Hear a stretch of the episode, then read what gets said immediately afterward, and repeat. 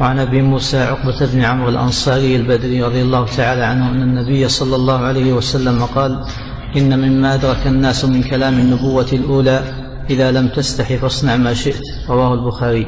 وهذا حديث عظيم.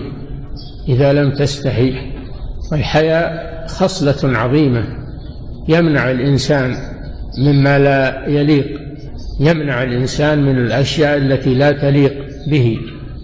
من السفاسف والرذائل وسيء الأخلاق الذي يستحي يمتنع مما لا يليق.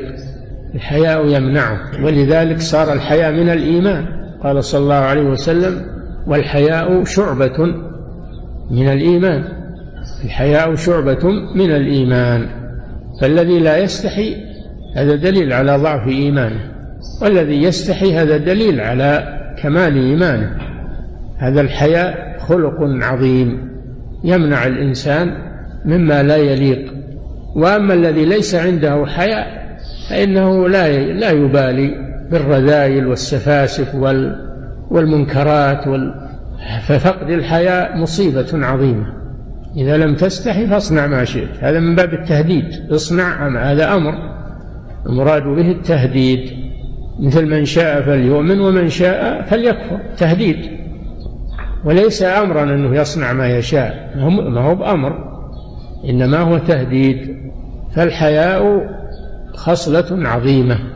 يمنع الإنسان من كل رذيلة. ويصونه من كل مذمة. وأما إذا فقد الحياء فإنه ينحط. ولا يبالي. فالرجل الذي لا يستحي لا يتحاشى الكذب لا يتحاشى سيء الأمور والسفاسف والرذائل شرب الخمر والزنا والسرقة وغير ذلك لأنه ما يستحي. أما الإنسان اللي حي فهذا من الله عليه بشيء يمنعه من ما لا يليق به ولا يليق بالإنسان ولا يليق بالمؤمن على وجه الخصوص فالحياء خصلة عظيمة. ومن فقد الحياء فإنه يصنع ما يشاء ولا يبالي ولا يبالي.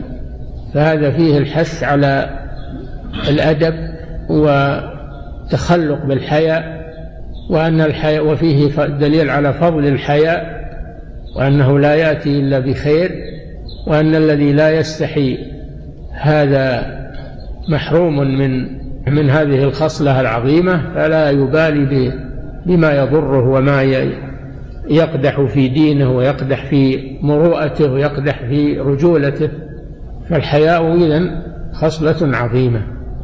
والله تعالى أعلم وصلى الله وسلم على نبينا محمد وعلى آله وأصحابه.